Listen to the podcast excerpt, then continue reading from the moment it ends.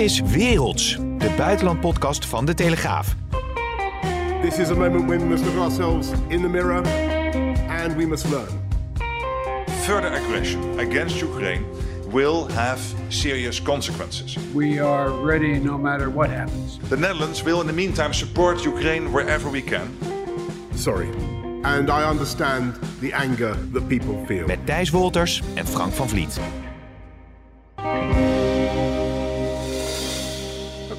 Onze podcast. We gaan uh, opgenomen op uh, 2 februari uh, van dit jaar, 20-jarige huwelijksdag van Maxima en Willem-Alexander. Maar daar gaan we het natuurlijk niet over hebben.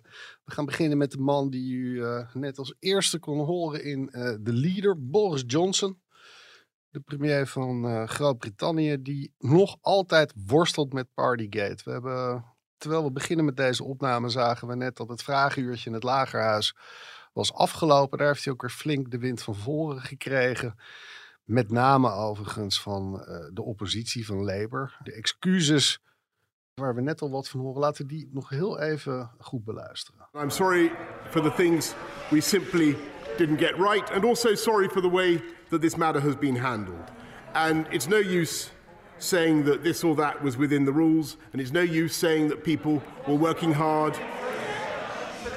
This pandemic was hard for everyone. Deze excuses waren van uh, afgelopen maandag toen, hij, uh, toen Johnson het lagerhuis toesprak.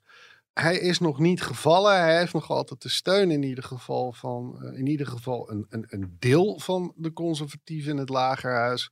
Er druppelen wat brieven binnen bij het 1922 Committee. Dat is, dat is de verzameling conservatieve lagerhuisleden die geen ministers of staatssecretarispost hebben uh, in het kabinet van Johnson. Uh, maar als er daar even uit mijn hoofd 54 van ja, binnenkomen, klopt. dan kan het lagerhuis gedwongen worden tot, of in ieder geval de fractie gedwongen worden tot een stemming over de vraag: willen we Boris Johnson nog wel als premier? Vooralsnog wel. Hij leeft nog. Ja, aan de ene kant is dat geen wonder natuurlijk, want uh, kijk, hij moet eigenlijk door zijn eigen partij naar de afgrond worden geleid. Dat doet een partij natuurlijk niet graag, hoewel ze wel een historie hebben. Thatcher is zo aan het einde gekomen. Het uh, Britse systeem is wat anders dan bij ons. Als bij ons de premier aftreedt, valt het kabinet. Daar wordt hij gewoon, hij of zij, dan door de partij vervangen. Zo uh, kregen we Major in plaats van Thatcher. Dus dat is één punt. Het andere punt is dat de Tories ook wel beseffen dat Boris Johnson toch een soort, uh, ik kan zeggen, hij is een kijkcijferkanon, dat zeker, omdat hij zijn charme heeft. Maar hij heeft natuurlijk ook verkiezingen fors gewonnen. Dus daar neem je ook lastig afscheid van. Maar ja, nu blijkt dat twee derde van het publiek zijn excuses niet heeft geaccepteerd. En ik hoor ze nu nog eens een keer. En dat hij dan zegt van ja, we hebben allemaal geleden onder pandemic.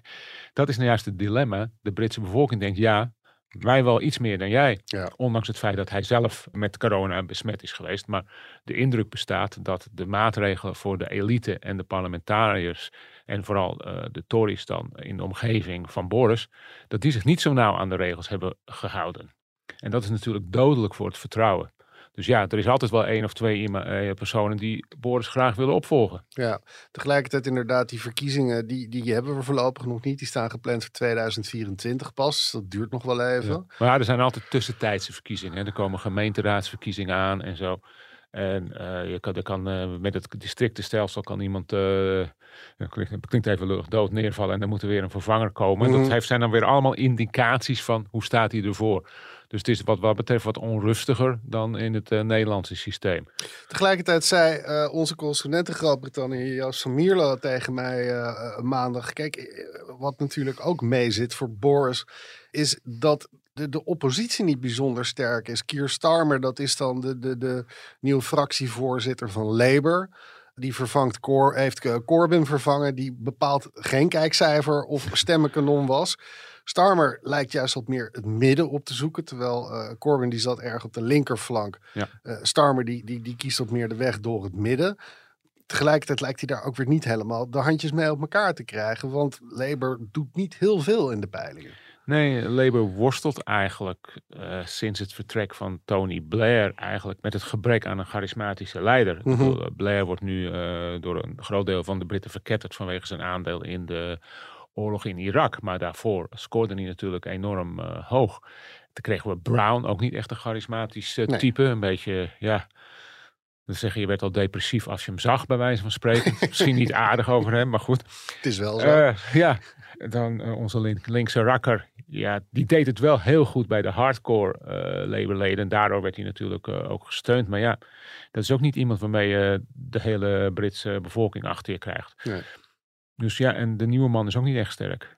Dus status quo zet zich voort. Kunnen we dat concluderen? Denk ik wel, denk ik wel. En dus de conclusie is dus alleen de Tories kunnen Boris tot aftreden dwingen. Ja. En dat kan nog, hè, want eh, dit is nog maar de afgezwakte rapport hè, van mevrouw, eh hoe heet ze, Sue Gray. Ja, Eh, precies. Het als de Met, de, de, de, de politie van Londen, inderdaad Ja. het onderzoek heeft afgerond. Dan krijgen we alles te zien, Ja. zou de belofte zijn. Dan krijgen we 500 pagina's te zien en nu hebben we maar 12 gezien. Ja. Dus eh, we hebben het hier nog wel een tijdje over misschien.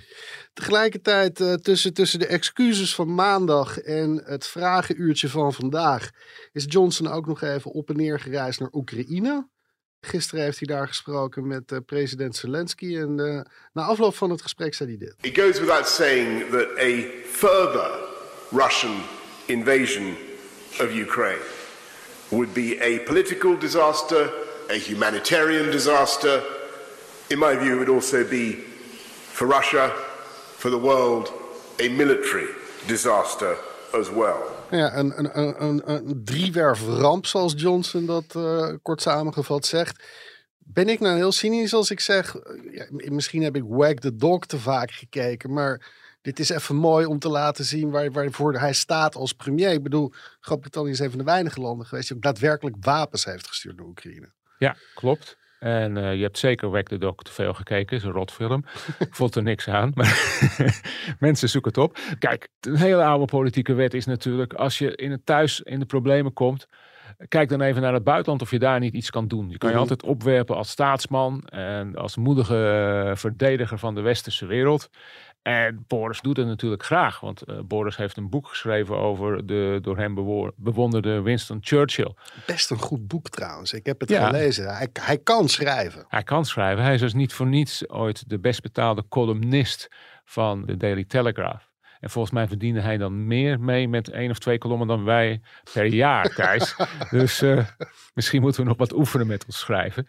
Maar goed, hij is dus een bewonderaar van Churchill. Dus ja, hij wil wat dat betreft wel op, de, op die trom eh, slaan.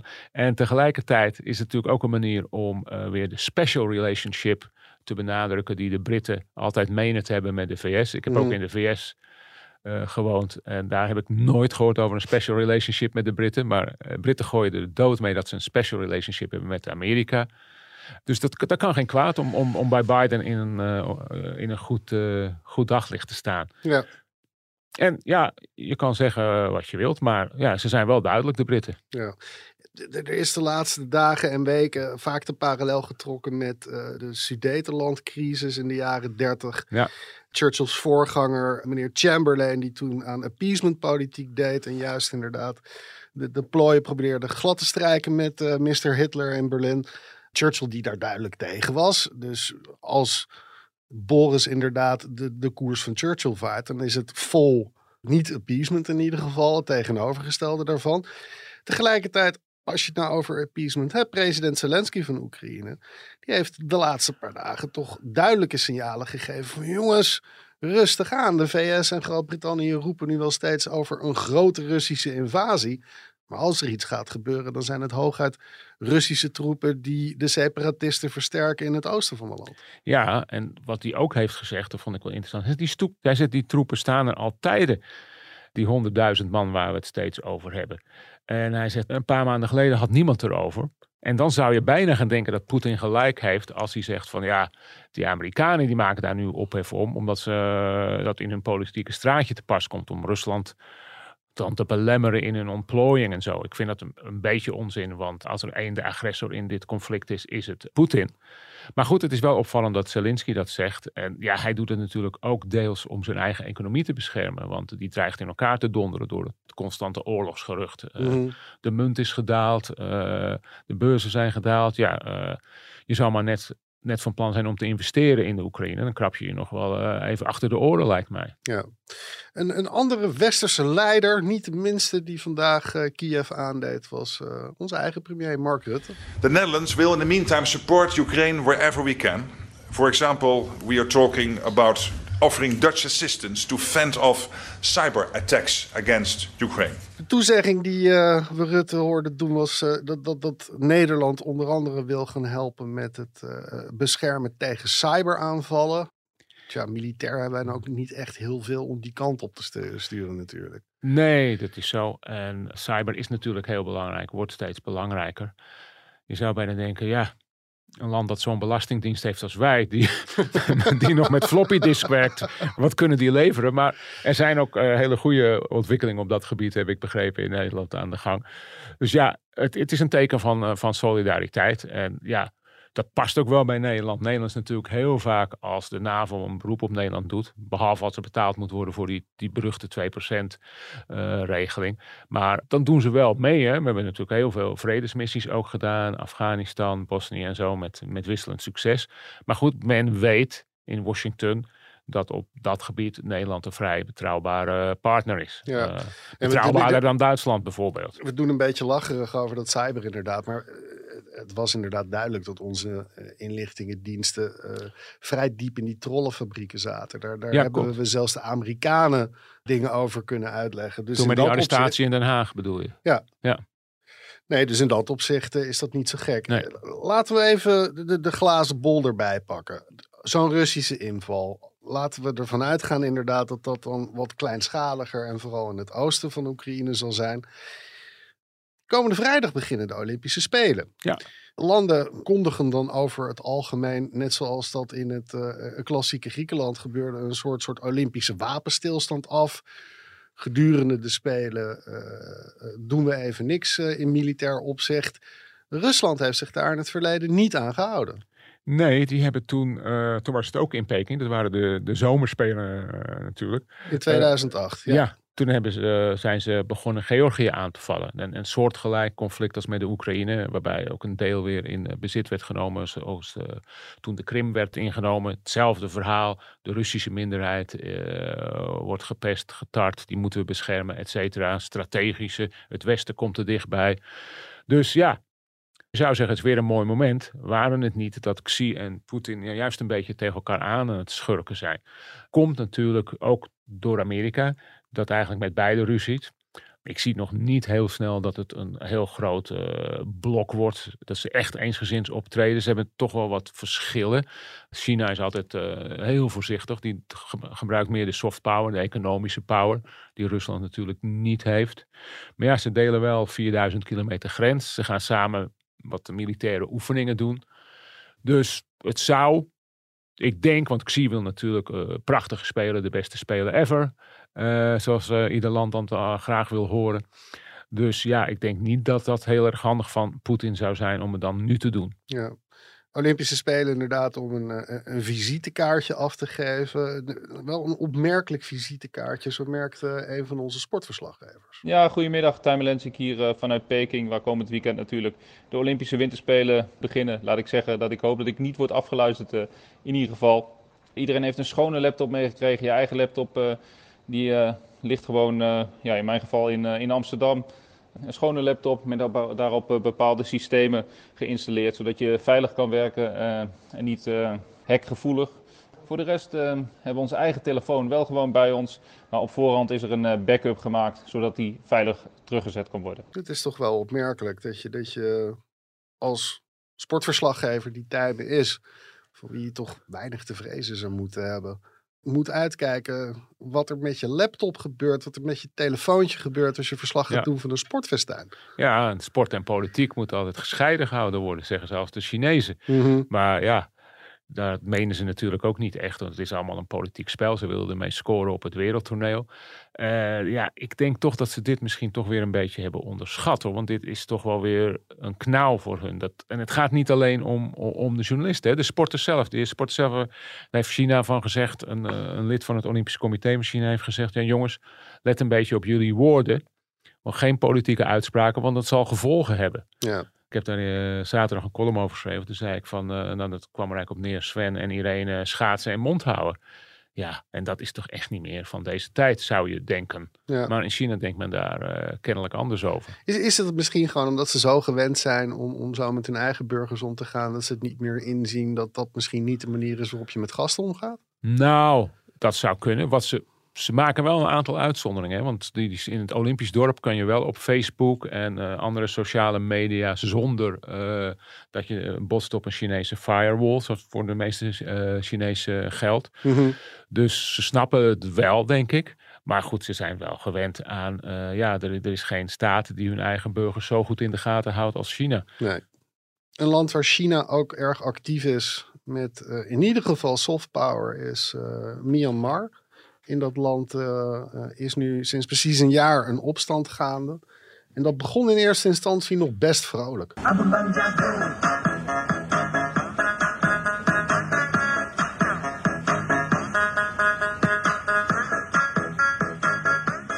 Dat u niet denkt dat u nu opeens uh, in een podcast over uh, slechte electro house terecht bent gekomen. Dit was het uh, deuntje van een, een, een Myanmarese sporter die op allerlei plekken in het land filmpjes opnam.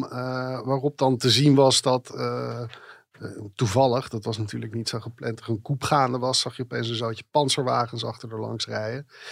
Het, het begon inderdaad allemaal nog redelijk vreedzaam met, met protesten die naarmate de tijd vorderde steeds gewelddadiger werden neergeslagen. Inmiddels zijn we op het punt dat er grote groepen mensen nou ja, letterlijk de bergen zijn ingevlucht.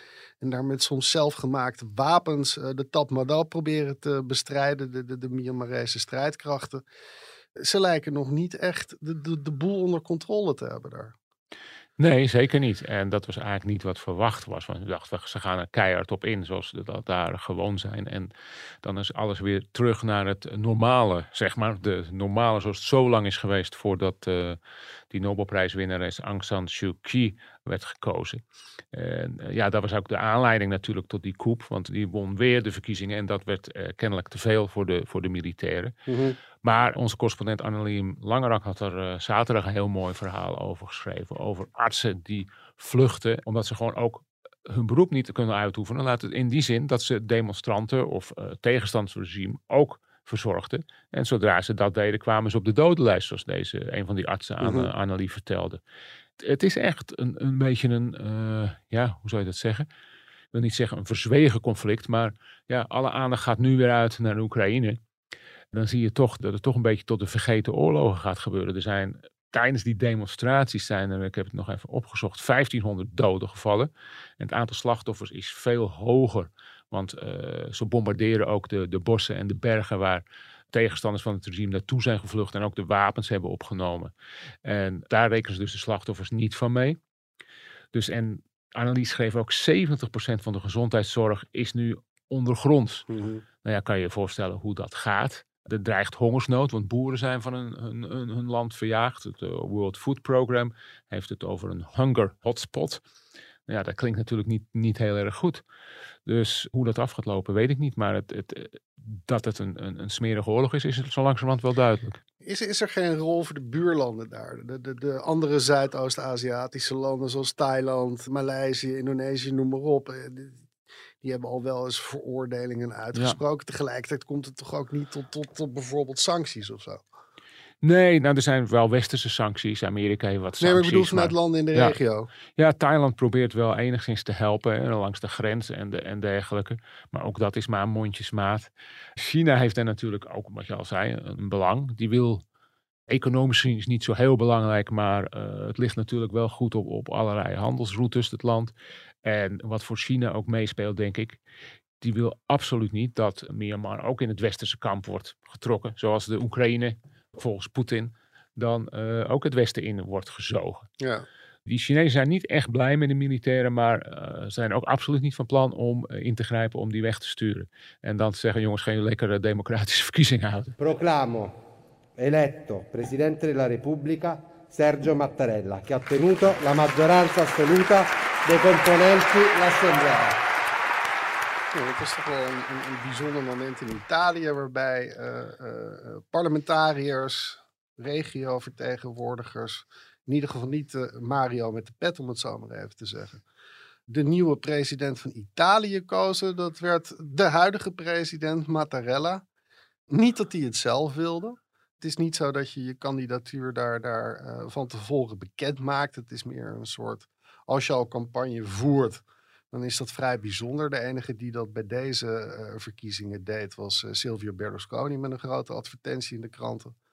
Mattarella had zelf dus laten doorschemen. Nee, ik, ik vind het wel even mooi geweest. Hij is 80, hè? Ja, dus op zich ook niet zo heel erg gek dat je dan zoiets hebt van, nou, nu ga ik gewoon even met de ja. benen omhoog nog voor. Berlusconi is trouwens ook in de 80. Ja, maar, goed, maar die had zich op het eind nog teruggetrokken. Ja, andere kandidaat werd gefluisterd, want ja, dat, dat, dat werd niet openlijk bekendgemaakt. Maar dat hoorden we in ieder geval uh, via onze correspondent Maarten van Aalderen. Uh, was de huidige premier Mario Draghi. Maar Draghi blijft gewoon zitten waar hij zit. Ja, en dat is vooral tot opluchting van de Europese Unie. Want uh, Draghi geldt ja, dat was ooit een, een scheldwoord in Italië als zuinig. We hebben natuurlijk de zuinige vier waar Nederland toen in zat. Over, en het heeft te maken met de steunfondsen die... Uh, heel, veel, heel veel geld gaat er in een EU-steunfonds naar Italië. Omdat die natuurlijk zwaar te lijden hebben gehad onder het coronavirus onder mm-hmm. andere. En Draghi, die ziet daar heel erg nauw op toe dat het allemaal keurig terechtkomt en dat het niet in een bodemloze put verdwijnt. Dus uh, in Brussel uh, stonden ze misschien uh, op de banken voor Misschien niet zo eens zozeer voor Mattarelli, maar voor Draghi. Ja.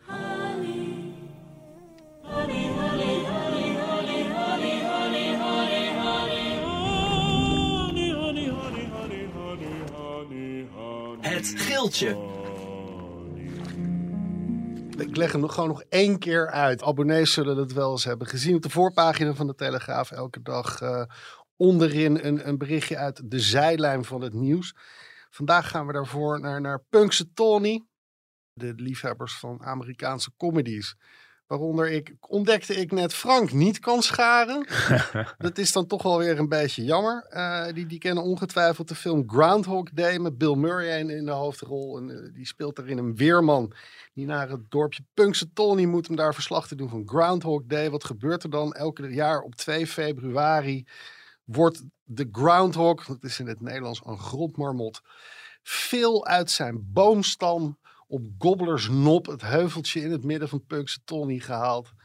Hij mag dan de omgeving bekijken en als hij een schaduw ziet, dan betekent dat dat we nog zes weken winter krijgen. Nou, zoals gebruikelijk, want het, het, het gebeurt inmiddels al bijna twee eeuwen, is veel ook uh, vanochtend plaatselijke tijd. En dat is echt nog maar anderhalf uur geleden. Dus het is vers van de naald, Frank. Ja, ik kan niet wachten tot uh, op het nieuws. Phil is uh, uit zijn boomstronk gehaald. En wat zag hij? Hij zag schaduwen. En dat betekent nog zes weken winter. Maar niet getreurd.